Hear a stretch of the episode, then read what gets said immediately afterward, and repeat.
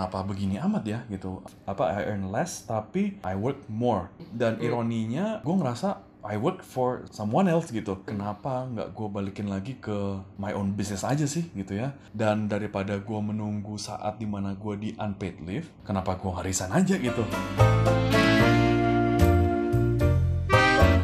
Oke, welcome back to Mikir Mulu. Ini adalah podcast yang ngajak kalian untuk gak mikir mulu dan segera take action. Balik lagi sama gue William Sudana dan ada gue Eko di sini Oke, Reka nggak nggak berasa ya kita udah masuk ke bulan ketiga ya. Bulan ketiga. dari- eh, ke mana? Maret, Betul. April, Mei, apa bulan keempat ini?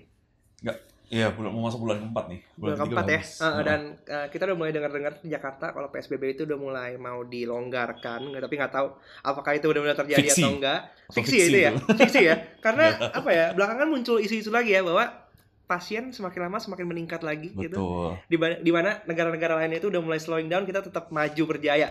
Sama Betul. kayaknya Indonesia tuh emang kelihatan kuat kok ya. Ekonominya naik terus gitu. Pasien pa- virus juga naik terus naik gitu. terus Jadi apa yang terjadi sama lu selama ini kok? Gimana? Iya, jadi uh, minggu lalu kita skip ya Will ya. Kita kurang Iya. konsisten, kita sekali skip. Uh, tapi gua itu uh, hari Jumat lalu gua randomly sama istri gua kita uh, keluar dari Jakarta. gitu. Anjay. Jadi kita uh, kita ke Rancamaya. Oke. Um, kita nggak tahu kalau sebenarnya kita boleh nggak ke sana, tapi ya udahlah karena kita udah bosan banget dan kita ngerasa uh, apa long weekend kan. Gue pikir ya udahlah, gue akan cabut Uh, dan kita nggak book hotel tuh. Jadi kita jalan dulu, uh, lihat dari Google satu setengah jam dan gue lihat ada beberapa poin merah. Gue pikir itu checkpoint. So kalau itu checkpoint, gue nggak boleh keluar ya udahlah, gue pulang aja gitu kan. Uh, so gue udah packing segala macam sejam lah gue packing, and then gue jalan tuh. Eh ternyata nggak dicek, nggak ada apa-apa dan gue sampai di Rancamaya itu jam setengah delapan malam lah. Ya, Oh jadi berangkatnya sore-sore gitu? sore-sore Oke. gitu. Jadi karena gue lihat uh, sebelumnya itu agak padat, setelah itu jam 6 gue berangkat, kayaknya cukup kosong. Um, ada beberapa titik macet tapi macetnya masih rela gitu ya, relatif Hah? lancar gitu. Macet, macet. Iya. Iya. Jadi uh, ada macet tapi masih jalan lah gitu ya. Um, so gue cukup surprise gitu ya di sana. Tadinya gue pikir udahlah malam gue ngeliat apa-apa. Nah besok paginya gue lihat di daerah. Jadi ini kalau Bogor ke kiri kita masih lurus lagi Will. Jadinya kalau mungkin kalau Bogor yang gue dengar ada checkpoint di situ. Nah temennya bini gue udah ke sana eh, ke Rancamaya ini tiga hari sebelumnya hari Rabu dicek sana nggak ada di checkpoint gitu. Jadi gue pikir Hmm. ya udah why not give it a try gitu dan ternyata bener Eh, dan ada promo gue beli dua malam gratis dapat eh, tambah satu lagi jadi tiga malam gue pikir jadi lu tiga malam gitu, liburan di Jadi luar tiga gua malam Jumat, gitu? gue hari ini baru balik. Se- senin kemarin baru balik gitu jadinya. Well eh, it's fun. Eh, jadi nah yang yang lucu ketika gue ke sana gue nggak ngerasa jadi sama kayak gini loh. Jadi kayak kejadian 98 atau kejadian bombing gitu ya. Ketika mall-mall atau tempat umum itu banyak memasang apa namanya eh, gate buat memantau metal ya ya. Eh, yang kita tahu ya as we know belakangan ini kan kita lihat kalau gate-gate tersebut belum tentu nyala kan sedangkan sat satpam-satpam juga mereka kalau ada metal detector mereka cuma sekedar ya udah screen gitu aja kan Iya, iya. Nah, yang gue lihat formalitas. juga di beberapa tempat, di tempat hotel gue menginap, nggak ada, met, eh, maksudnya disediain bilik untuk eh, COVID itu, tapi juga nggak dipakai sepenuhnya gitu. Hmm. Eh, tapi memang protokolnya masih dijalankan, jadi mesti eh, cek suhu, eh, ada hand sanitizer di mana-mana itu tetap ada. Cuman em, ya gue ngerasa kayak, oh kayaknya mungkin orang udah eh, udah dengar mengenai herd immunity itu ya. Jadinya eh, buat mereka kayaknya ah kayaknya udahlah gitu ya. Kena kena yang enggak ya udah. Jadi, em, dan di kotanya pun menurut gua ada checkpoint sih. Jadi kalau gua turun dari Rancamaya gua mau masuk ke arah Tajur atau ke Bogor gitu ya itu ada tuh checkpoint tuh di antara pagi sekitar jam 9 sampai jam mungkin jam 4 jam 5 sampai jam 6 lah. Tapi di atas jam 6 yang gua rasa nggak ada lagi checkpoint tuh. Gua pergi jam 6 setengah tujuh lah kemarin malam nggak ada checkpoint. Dan orang-orang gue lihat juga nggak ada yang pakai masker. Oh shit man. di jalan gitu ya. Itu menurut gue kayak dan pasar juga it's real gitu masih rame dan orang masih lalu lalang tanpa pakai masker juga gitu Hmm. gue nggak nggak pernah menyangka nggak pernah melihat ini sam eh, eh, dulu ada pembantu gue udah mbak gue balik dari lu dari luar kota dia balik pak di tempat dia di Cianjur nggak ada tuh kayak PSBB di sini gitu ya gue pikir gue kayak ah yang masa sih gitu ya tapi kemarin setelah gue jalan ke sana beneran tuh jadi buat sana juga kayaknya PSBB juga ya udahlah gitu Jangan-jangan PSBB itu cuma berlaku di kota-kota besar aja kali ya. Kalau untuk kota-kota tier mungkin. 2, tier 3 itu kayak mereka bodo amat gitu loh. mungkin dan kemarin gue makan ke satu rest resto gue gue gue juga sempat agak eh, skeptis nih ini dia buka atau enggak gitu tapi gue telepon langsung diangkat dia bilang buka kok pak gitu dan gue ke sana ya itu restoran udah running ya- kayak biasa Oke, wow, wow, wow. wow. Tapi kalau meskipun di hotel meskipun sendiri gitu kok ya. Kalau di eh, hotel gimana? sendiri, apakah lu merasa bahwa ada perbedaan? ada perubahan ada Nah. perubahan dari sisi operationnya semua segala macem gitu. Ada. Jadi kalau tadi restoran itu buka ini mereka buka seperti biasa meskipun yang gue lihat kemarin mejanya udah mulai diatur tuh. Jadi ada satu meja kosong, satu meja isi, atau meja kosong, atau meja isi gitu. Dijedain gitu. Dijedain. Heeh. Nah, em, di hotel yang menurut gue jadi positifnya adalah satu begini. Hotel kita tahu bahwa mereka itu punya peraturan yang sangat strict mengenai food waste. Jadi kalau mereka udah bikin bikin makanan, setelah itu nggak boleh. Jadi makanan itu harus dibuang. Nggak Hmm. boleh makanan itu dibawa pulang atau dibeli atau diolah lagi jadi makanannya mereka nggak boleh gitu. Eh, brands hotel masih nggak- tidak memperbolehkan. Nah yang gue lihat berbeda dan menurut gue jadi bagus adalah ketika gue nginep kemarin satu ketika kita check in ditanyain tuh bapak mau makan jam berapa breakfastnya? Jam 7, jam 8, jam 9, jam 10 gitu.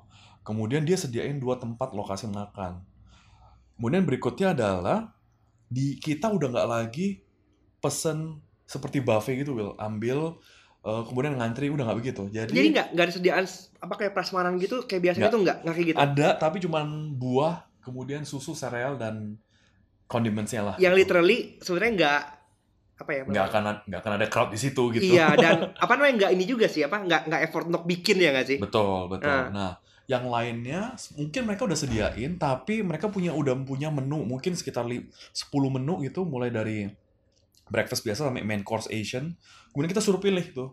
Kita Hmm. mau yang mana kemudian eh, boleh sih kita mau pilih satu atau dua atau tiga lebih boleh. Cuman kita hanya boleh order kalau udah setelah itu makanan habis kita boleh order lagi gitu. Jadi Jadi- nggak kayak biasanya kita ngambil banyak nggak habis udah digeletakin selesai nggak gitu. Iya, jadi iya, iya, bener diatur gitu Tapi sebenarnya menurut gua bagus ya. Jadi kayak memang Bagus, kita lebih betul. mengapresiasi apa ya apa yang kita konsumsi kayak gitu. Betul, Karena kalau betul. biasanya kita memang kebawa nafsu aja makan suka hati kita, habis itu Betul, kalau nggak habis betul. dibuang. Tapi sekarang kita lebih bertanggung jawab sih. Terus kayak yes menurut gua why not gitu. Sesuatu Iya, yang bisa iya. diterapkan mungkin ke depannya memang gitu. Jadi menurut gue banyak eh, somehow COVID ini memang eh, somehow punya efek yang positif juga ya di beberapa Hmm. aspek gitu. Hmm. Ya itu yang gue perhatiin kemarin sih. And uh, amazingly kemarin di di di hotel itu semuanya platnya B semua tuh. Dan menuju Surprisingly hari ya, iya nggak tahu mau seneng atau enggak. hari Sabtu gue lihat makin banyak, hari Minggu gue lihat makin banyak juga orangnya, lebih banyak lagi. Oke, Gitu. oke, oke, oke. Oh, So, how's life though? Selain selain happy happy lu yang tiga hari kemarin refreshment gitu kan? Ya, sebagai- happy. Sebagai apa ya? Menurut gua, ya menurut gua itu sangat bisa dimengerti lah ya. Apalagi eh menurut gua Maria juga dalam kondisi hamil kayak gini perlu perlu kebahagiaan lah kayak gitu. Betul, Karena betul, betul. buat gue penting tuh eh, apa ya bumil tuh bahagia karena Betul. bumil yang bahagia akan berkontribusi terhadap eh, pamil yang bahagia Pak Mil juga yang bahagia. Ah, ah. dan anak juga yang bahagia gitu Betul, loh betul, betul. Well, um, ya makanya itu kemarin gue nggak bisa uh, apa uh, nolak gitu ya begitu ada ajakan eh long weekend dan pergi dan ternyata kayaknya waktu gue telepon dia buka ya udahlah gue langsung pergi tuh ke ya, ya, ya. Rancamaya gitu ya. Nah selain dari itu sih um, kemarin juga sebenarnya gue merayakan uh, gue habis resign gitu ya. Anjay, kok, kok bisa resign jadinya? Kemarin perasaan masih kerja di tempat orang, gimana ceritanya bisa resign ini? Iya, jadi oke kan kita dulu pernah bahas ya mengenai PHK, mengenai unpaid leave gitu-gitu ya. Belakangan gue merasa gue sendiri sebagai employee, eh gue ngerasa nggak cukup gitu. Karena apa? Gue di cut eh, gaji cukup besar, lebih dari 50%. Tetapi gue disuruh masuk eh, setiap hari, bahkan eh, beberapa hari gue Sabtu Minggu, gue Minggu bahkan gue masuk eh, pas waktu kemarin lebaran. Kemudian ya jadi kerjanya makin berat gitu. Jadi jam 6 pa- jam 7 gue ada zoom call. Sampai jam 6 itu ada gue ada zoom call lagi. Kemudian ya pekerjaan kalau pekerjaan gue kan nggak hanya di lapangan selesai tapi kan begitu gue pulang masih ada beberapa hal yang gue kerjakan kan.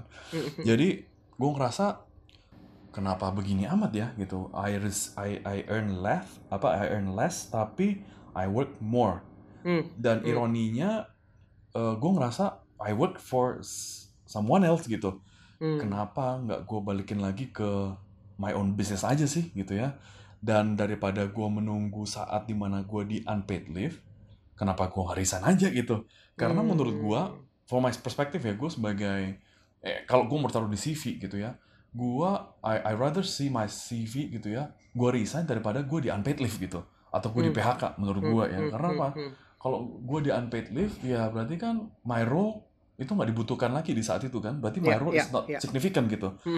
Dan kalau gue di PHK ya apalagi PHK gitu ya di zaman sekarang kalau mau mau apa eh, mau nunggu PHK belum tentu juga ada company-company yang mau bayar mau bayar pesangon Will jadi menurut gue I think resign is is, is the best option buat gue gitu. Eh, ya so gue resign tuh gitu Sebelum ngomong ke lu resign gitu ya, gue banyak dengar berita juga, baca berita gitu. Hotel-hotel di Jawa itu, basically gini, kalau kita ngomong peran COVID ini kan, eh, sektor pariwisata ini ter- yang terkena dampak paling besar gitu ya. betul Karena kan memang selain gitu orang-orang kayak lu yang tiba-tiba bisa ada di Ranca Maya gitu walaupun kondisi PSBB. tapi kan kalau orang memang kalau memang apa ya Jakarta Bogor mungkin bisa tolerable tapi kalau misalnya Jakarta ke Jawa gitu kan ya. itu mungkin akan jadi uh, perhatian besar gitu sehingga itu Betul, yang sangat betul. dibatasi gitu. Banyak hotel-hotel yang katanya sampai nge off karyawannya luar banyak luar biasa banyak ya ya. Ya Gua gue juga pun- denger juga. Eh, eh, eh, artinya kan memang ya banyak orang yang akhirnya kehilangan pekerjaan karena ini ya gitu. Mungkin ada yang apa ya varias variannya banyak ya. Ada yang di unpaid leave gitu. Ada yang eh, gajinya dikurangin kayak lu Ya. gaji gaji dikurangin. Kamu dari dari variannya 30 persen 40 persen 50 persen. Sampai lu mungkin berapa tadi? Lebih dari 50 persen gitu kan. Terus kayak Ya.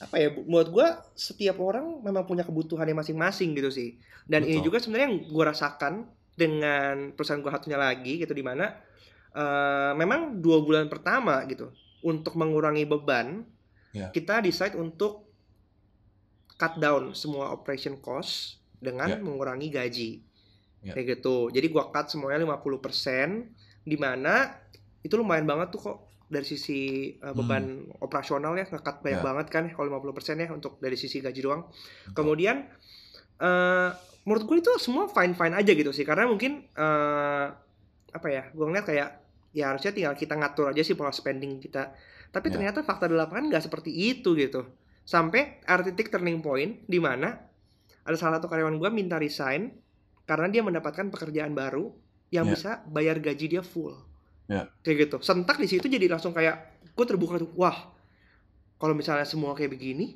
Ya. benar juga ya gitu kalau misalnya kita mau paksain gaji 50% gitu. Mau seberapa panjang sih? Orang juga mau seberapa tahan sih? Karena kan emang biaya bulanan itu kan bakal berlanjut terus menerus nih. Ya kan Ya. seperti yang lu mungkin udah rasakan juga kan? Ya, ya we have to pay the bills tapi Ya. pendapatannya nggak sesuai gitu. Akhirnya mereka harus memaksakan diri untuk hutang. Hutang Ah. hutang hutang supaya bisa nutupin itu. Tapi buat gua ini juga macam kita kayak kayak lubang tutup lubang gitu Iya, kita betul. ngutang mungkin kita bisa nutupin lubang untuk bayar bill kita tapi kita punya beban lain nih yang kita juga nggak tahu akhirnya gimana cara kita nutupin ya Iya.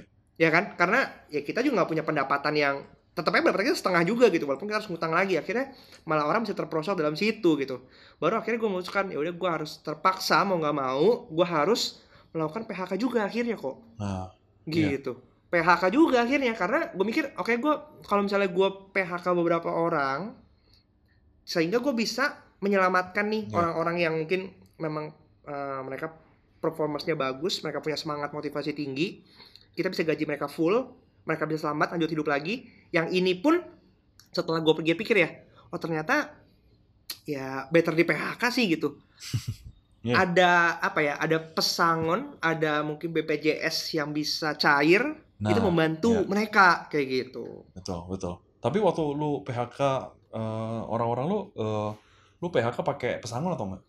Eh, karena tetap balik lagi balik lagi ya gue bikin bisnis itu gue memimpin sebuah perusahaan itu dengan sisi humanity yang cukup tinggi gitu kok. Ya. jadi mau sesusah apa pun gitu gue coba untuk kasih pesangon sih gitu. Karena kasihan banget sih kalau menurut gue ya kalau bisa kita sampai nggak kasih pesangon gitu. Karena ya kita juga mesti mikirin lah abis ini dia hidupnya gimana gitu. Sedangkan Betul.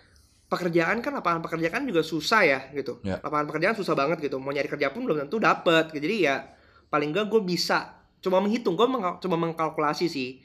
Kebetulan ada BPJS yang mungkin itu bisa cair amountnya lumayan juga buat mereka karena ternyata eh, kerjanya udah cukup lama sih udah cukup Hmm. di atas 8 tahun semua gitu loh. Ya, jadi karyawan-karyawan lama yang cukup loyal gitu loh. Tapi Ya, ya dari kalau kita ngikutin standar undang-undang memang nggak bisa sih kalau kita bayar pesangon yang yang normal gitu kok Ya, ya, ya. Heeh. Makanya ini sebenarnya menarik karena kita berdiri sekarang di dua sisi. Ya, gue juga sebenarnya berdiri di dua sisi antara employee dan gue juga sebagai business owner juga kan.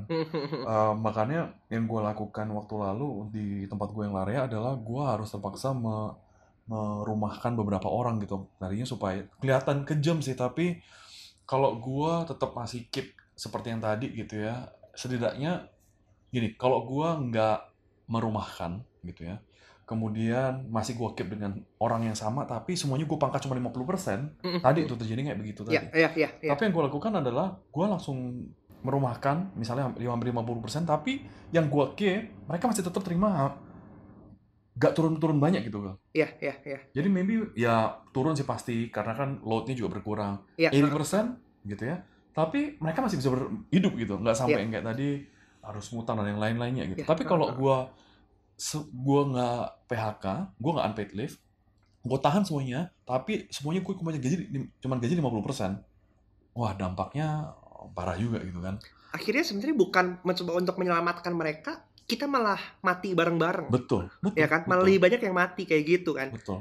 karena kalau misalnya kita ngelihat gitu ya kemarin gue baru ikut satu webinar gitu tentang eh, dampak virus terhadap ekonomi gitu karena karena kalau Hmm. Ya. kita mikir kok bisa sih ini kan penyakit karena bisa sampai ekonomi gitu Ya. simple sebenarnya cycle-nya adalah ketika satu orang income-nya drop gitu artinya orang itu akan mulai berhemat less Betul. spending ya kan nah Betul. kita ngomongin less spending artinya orang yang jualan misalnya kayak eh Larea jualan gitu kan orang Ya. karena mulai berhemat mereka nggak akan beli cake lu Betul. ya kan ketika eh, cake-nya lu nggak dibeli bisnis lu juga income-nya drop Betul. kemudian bisnis lu income-nya drop kemudian lu akan terpaksa wah gimana nih kita untuk supaya bertahan kayak gitu jadi ya kita akan mulai nge-lay off karyawan-karyawan karyawan ya kan Ya. karyawan-karyawan di lay off income-nya ngedrop juga Yes, ya muter lagi deh ke yes, atas yes, gitu. jadi kayak yes, yes. satu satu cycle gitu loh akhirnya Ya. yang balik lagi sih akhirnya kita nggak bisa menyelamatkan semua orang dan satu hal yang menarik ya buat gua gitu kan orang kan suka bertanya-tanya kenapa sih kok pemerintah nggak memberikan bantuan untuk individu gitu Ya. ya.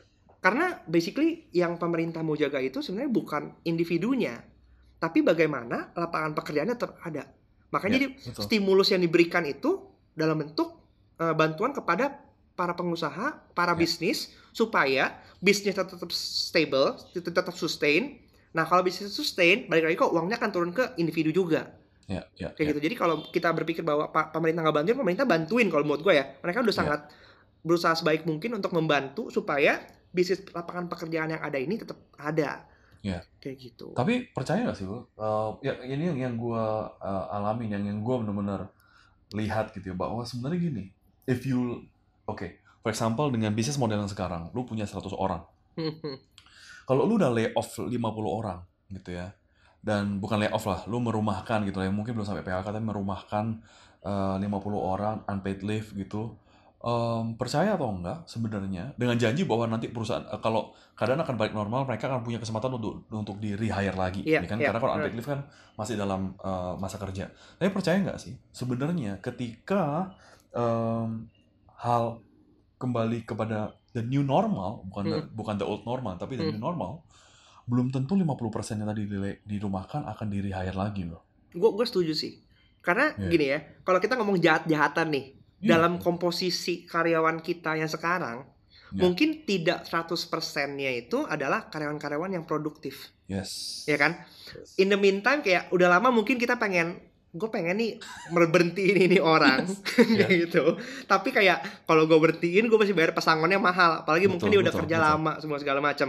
Tetapi eh, ini mungkin jadi kesempatan gitu loh untuk eh, ya, ya efisiensi ya kembali Hmm. mengoptimalkan semua lini Betul. bisnis dari sisi operasional juga kayak gitu. Tapi di Betul. sisi lain gitu, ini kita ngomongin jahatnya gitu, is kayak ya bisa jadi true bisa jadi enggak kayak gitu tapi eh, balik lagi ya dengan posisi yang sekarang gitu kita mau ngomong kita masuk ke dalam break even point lagi itu akan cukup lama gitu kita nggak bisa ngukur dalam waktu dekat ini kita langsung baik normal lagi kan Iya. bahkan memang ya sebenarnya kalau kita ngomong nanti bakal jadi hire lagi semua segala macam itu bisa jadi kayak cuman kayak angin seger bullshit bullshit PHP doang sih Betul, betul. Kayak Jadi gitu. menurut gue sih buat teman-teman yang sekarang lagi dengerin ya, em, kalau kalian sedang di posisi kalian di unpaid leave gitu ya, ya heeh. I think you guys you, you guys better ready gitu dengan dengan dengan em, apa namanya bahwa kalian nggak akan di rehire lagi gitu. Hmm, hmm, hmm, Apalagi kalau em, role kalian itu bisa aja eh, digantikan bisa digantikan oleh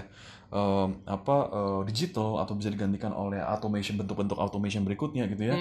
Menurut gue sih kayaknya kita perlu ready dengan apa pun itu gitu. Kayak gue gue bukan bilang bahwa role gue akan digantikan enggak. Tapi kalau gue sendiri merasa bahwa gue nggak bisa kerja bareng orang gitu. Eh, Oke. makanya gue nggak bisa kerja bareng orang lagi gitu apalagi kalau beda visi. Makanya gue decided untuk resign gitu ya daripada di unpaid leave dan di PHK yang di mana gue juga belum tentu kalau misalnya di PHK dapat pesangon dan yang lain-lain Eh, mendingan gue resign dan gue siapin eh, skoci gitu untuk gue bisa bertahan melewati covid ini gitu. Jadi buat teman-teman menurut gue jangan berpikir naif bahwa kalian akan di rehire lagi akan di hire lagi Hmm, karena oke, waktu oke. itu nggak ada yang pernah tahu gitu benar benar benar gue sedih sih dengar dengar orang yang dirumahkan gitu karena ada ini ini real, story gitu bahwa salah satu karyawan gue kakaknya itu dirumahkan tanpa waktu yang jelas jadi Yes. dipecat kagak gitu dikasih pesangon kagak di employ juga kagak gitu Nah. itu kayak aduh itu jahat banget sih menurut gue ya Betul. Itu menurut gua bukan itu. Ini sekarang terjadi di ipar di ipar gua, Will. Heeh. Jadi dia dipanggil masuk dan dipanggil masuk kemudian di di di, di info bahwa company udah nggak bisa running lagi dan terpaksa kamu harus resign. Nggak di PHK tapi Dipaksa dia dipaksa resign. untuk resign. heeh. Ya eh, gini kalau dia menolak dia nggak dikasih surat rekomendasi tapi kalau dia oke kita tanda tangan resign dia akan dikasih eh, apa namanya eh, surat rekomendasi bahwa eh, ya orangnya telah bekerja dengan baik gitu. Ah, Which is ah, ah. makanya menurut gua jangan sampai kita jadi eh, punya mentality yang victim gitu. Ya Hmm. udah pokoknya kita nyalain keadaan, nyalain perusahaan. Menurut gua udah deh forget it gitu ya. Karena kalau mau nyalahin banyak banget yang bisa disalahin gitu kan. Hmm, Tapi menurut gua kita be prepare aja skoci apa yang kita bisa siapin supaya kita tetap bisa bertahan gitu. Iya iya iya, gue setuju sih kayak percuma ya kita mau coba untuk menyalahkan keadaan karena Iya. memang kondisinya ini kondisi global gitu, bukan cuma Betul, Indonesia betul, doang, bukan cuma betul. perusahaan lu doang, ya semua aja mengalami kondisi yang Ya. sama gitu. Maka itu ya akhirnya balik lagi sih kita gimana cara kita merespon kondisi Ya. yang baru ini dan Ya. sekalian mungkin ini jadi bahan refleksi kita gitu. Mungkin kalau saat ini kemarin itu kita sibuk terlalu sibuk dengan rutinitas pekerjaan-pekerjaan yang membuat kita nggak bisa ngapa-ngapain. Sekarang Ya. mungkin bisa jadi momen untuk kita refleksi sebenarnya apa sih yang belum sempat gue explore dan Hmm. skill-skill baru apa yang Yes. harus gue pelajari untuk bisa Ah. beradaptasi sehingga kalau tadi sempat bilang bahwa ada kemungkinan eh, peran lu itu digantikan dengan digitalisasi, dengan otomatisasi gitu, dengan machine learning karena semakin Ya. lama teknologi itu semakin semakin canggih ya gitu ya. Ya. Dan itu udah bisa meng- menggantikan peran-peran manual pekerjaan-pekerjaan yang manual Nah, itu. Betul. Nah, ada sebenarnya gue ada yang kelewat nih. Jadi kemarin ketika gue di Rancamaya, itu gue ternyata gue gua acquire one new business, eh one new skill lah. Yang tadinya mungkin kalau gue nggak dengan situasi kayak begini, gue nggak akan pernah belajar sih. Oke, Which is um, digital marketing. oke, Eh, oke. atau da- atau bukan digital tapi lebih ke direct response marketing lah gitu. Jadi kemarin itu gue di sana 4 hari 3 malam, tapi dua harinya Sabtu Minggu dari jam 10 sampai jam 4 sore, gue actually belajar direct response marketing. Jadi gimana eh, pasang apa iklan di FB, IG, eh, ya kayak gitu gitulah gitu. Which I think kalau gue nggak pernah, gue dulu pernah ikut kelasnya tuh sama Jordan tuh, tapi gue nggak pernah apply kan. Jadi gue Ya, kayak setelah ikut ya udah gitu aja gitu. But now since I apa move to my own business lagi sekarang, ya mau nggak mau habis kelas ini gue langsung tadi sebelum gue record ini gue langsung ini tuh langsung bikin eh, langsung eh, apa ber, eh, aplikasi tuh eh, do it gitu. And which I think is, is a good thing gitu karena kalau gue nggak ada covid ini I might not you know able to learn Ya, ya, this ya, stuff good, good, good. gitu. Ya, ya, ya, ya. kesempatan kesempatan baru yang kita lihat bisa lihat sih memang di situ sih. Oke kok, lu ada nggak? eh, lu kan kalau lu ya, kalau lu kan orang yang memutuskan untuk resign gitu. Sebelum eh, perusahaan semakin kondisinya buruk, kemudian mereka mengambil keputusan, oh gue harus PHK Eko atau mungkin dipaksa unpaid leave seperti yang tadi lu bilang kayak gitu kan? Ya. Apa sih yang harus lakukan ketika lu mau resign supaya lu nggak zonk gitu? Oke.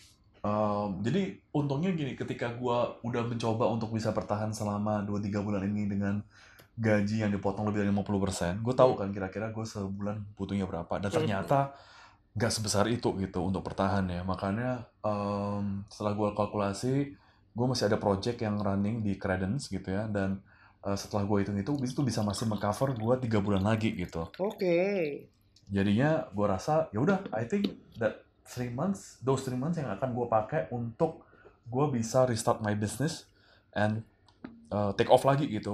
Uh, whatever happens, I have to make it happen gitu. Gua- Jadi gue nggak benar-benar buta. Oh ya udahlah, nggak ini kemudian gue langsung cabut gitu nggak juga gitu. Jadinya yang gue lakuin gue tetap calculate dulu, bikin sekocinya, and then uh, then do it gitu.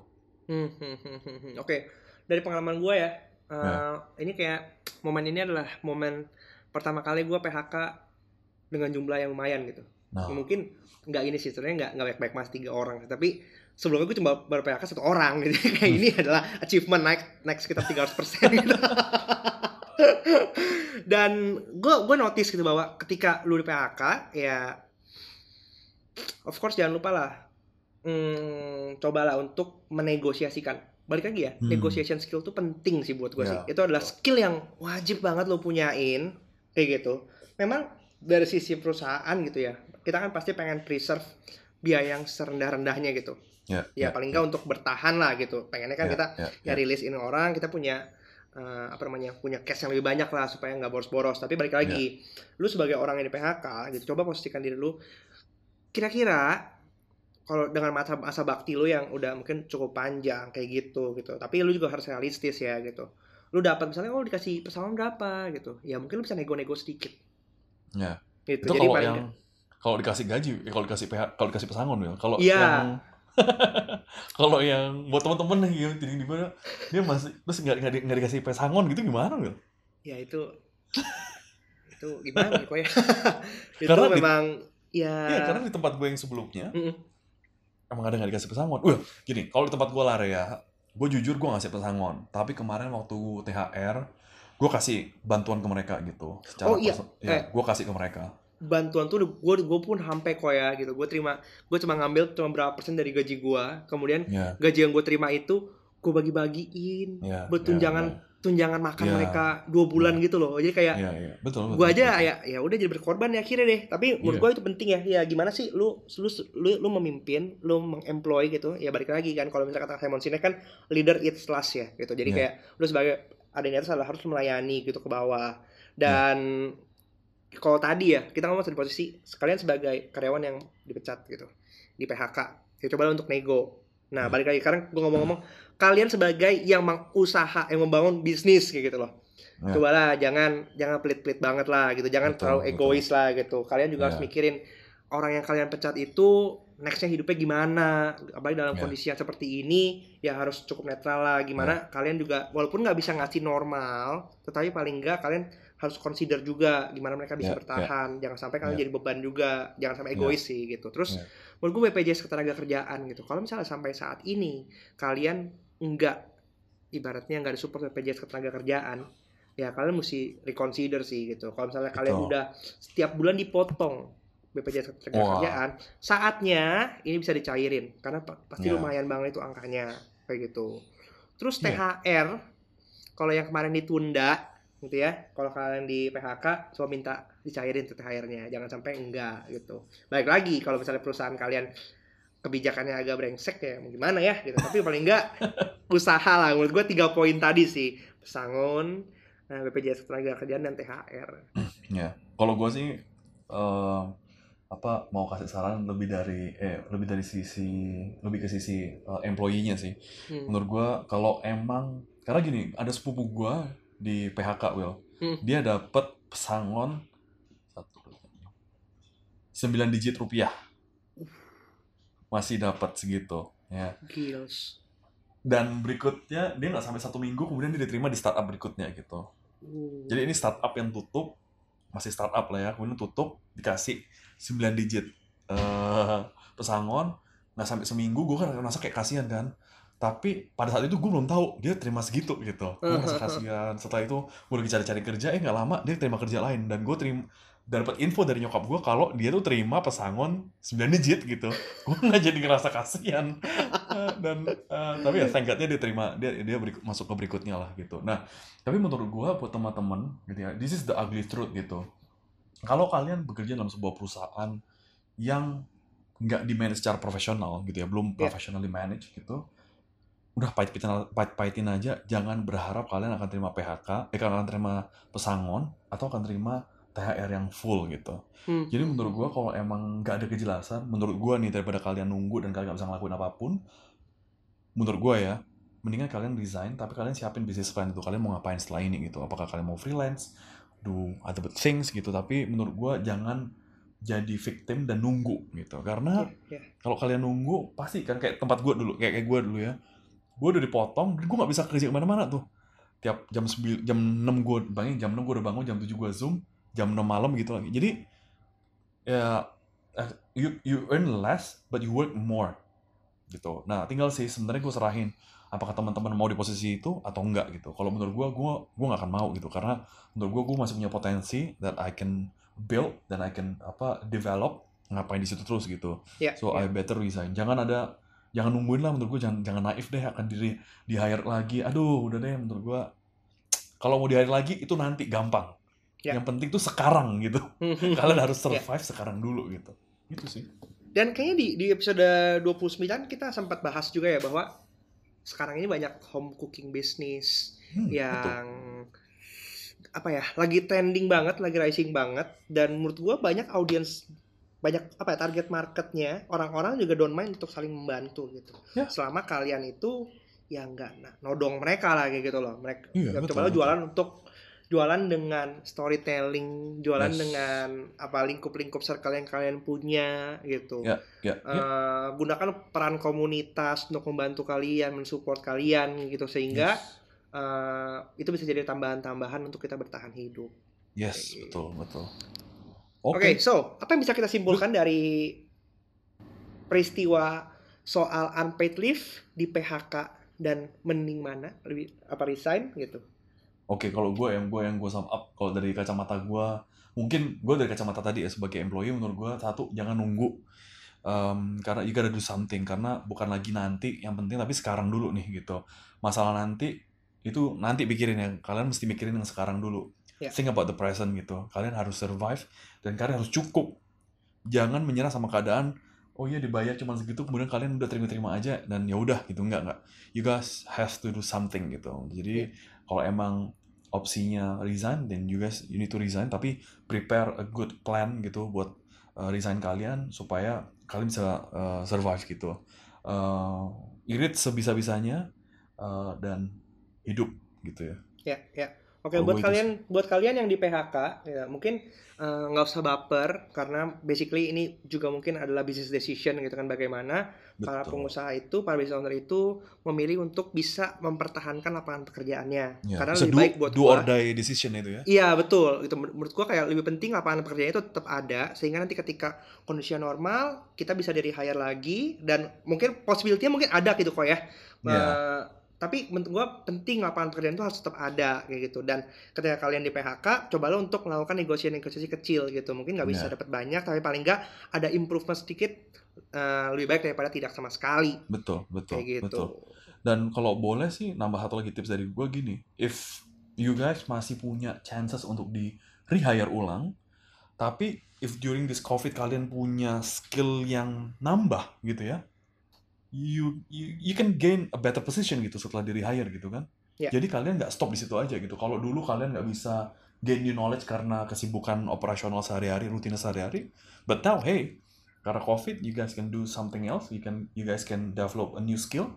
Dan ketika kalian di rehire ulang you guys will be in a different position gitu. Lebih higher position lagi gitu. Ya bukan bukan nggak mungkin eh, kemarin digaji 5 juta gitu tiba-tiba sekarang dari hire eh bisa dapat gaji 8 juta gitu kan Bisa. menurut gua kemungkinannya ah, of course ada gitu dan ini kesempatan Iya. untuk kalian keluar dari Betul. comfort zone kalian kembali menggali lagi apa yang selama ini kalian nggak pernah tahu kalian bisa gitu dan Iya. menurut gua ini saatnya kita untuk belajar lebih melek ya bagaimana kita harus mulai nabung gitu loh sekarang kemarin Yes, itu yes, mungkin yes. kita sangat hedon sangat konsum sangat konsumtif gitu Yes. punya gaji 8 juta langsung dihabisin ya kan bahkan sampai minus gitu karena gaya hidup Ya. yang ngikutin tapi sekarang dengan ada covid ini eh, semoga teman-teman semua mulai tersadar bahwa habit untuk menabung itu penting gitu paling enggak penting. darurat itu harus difulfill dulu baru Betul. lu bisa hedon hedon deh gitu jangan Betul. lu nggak punya darurat nggak punya apa-apa tiba-tiba hedon terus dalam kondisi gini teriak-teriak nggak punya uang Yes. kayak gitu Oke, Oke. paling itu s- poin-poin yang kita bahas hari ini. So, Yap. buat kalian yang mungkin di unpaid leave, buat kalian yang memutuskan untuk resign gitu, buat kalian yang di PHK gitu. Apa yang mau kalian lakukan selanjutnya itu semua ada di tangan kalian. Kalian harus meng- bisa menghitung risk Ya. calculationnya seperti apa karena basically apa pun yang kalian putuskan itu sebenarnya gak ada yang salah sih ya. Cuma bagaimana Betul. kita merespon dan menerima keadaan Ya. yang sedang terjadi ini gitu. Karena Ya. kalau percuma aja kalau kalian mikir mulu, kebanyakan mikir ya kapan actionnya actionnya, gitu. betul. So kok uh, thank you buat ngobrol-ngobrol hari ini. Ya, thank you. Uh, I wish you good luck untuk thank you, thank you. next plan apa yang lo lakukan. Semoga keputusan resign ini bisa menjadi kesempatan yang lebih besar lagi untuk mengembangkan uh, hidden hidden skill ya kan opportunity opportunity yang miss kemarin kayak gitu. So thank, Thank you. you. Kalau mikir mulu kapan, Kapan actionnya? actionnya? See you guys. Bye bye.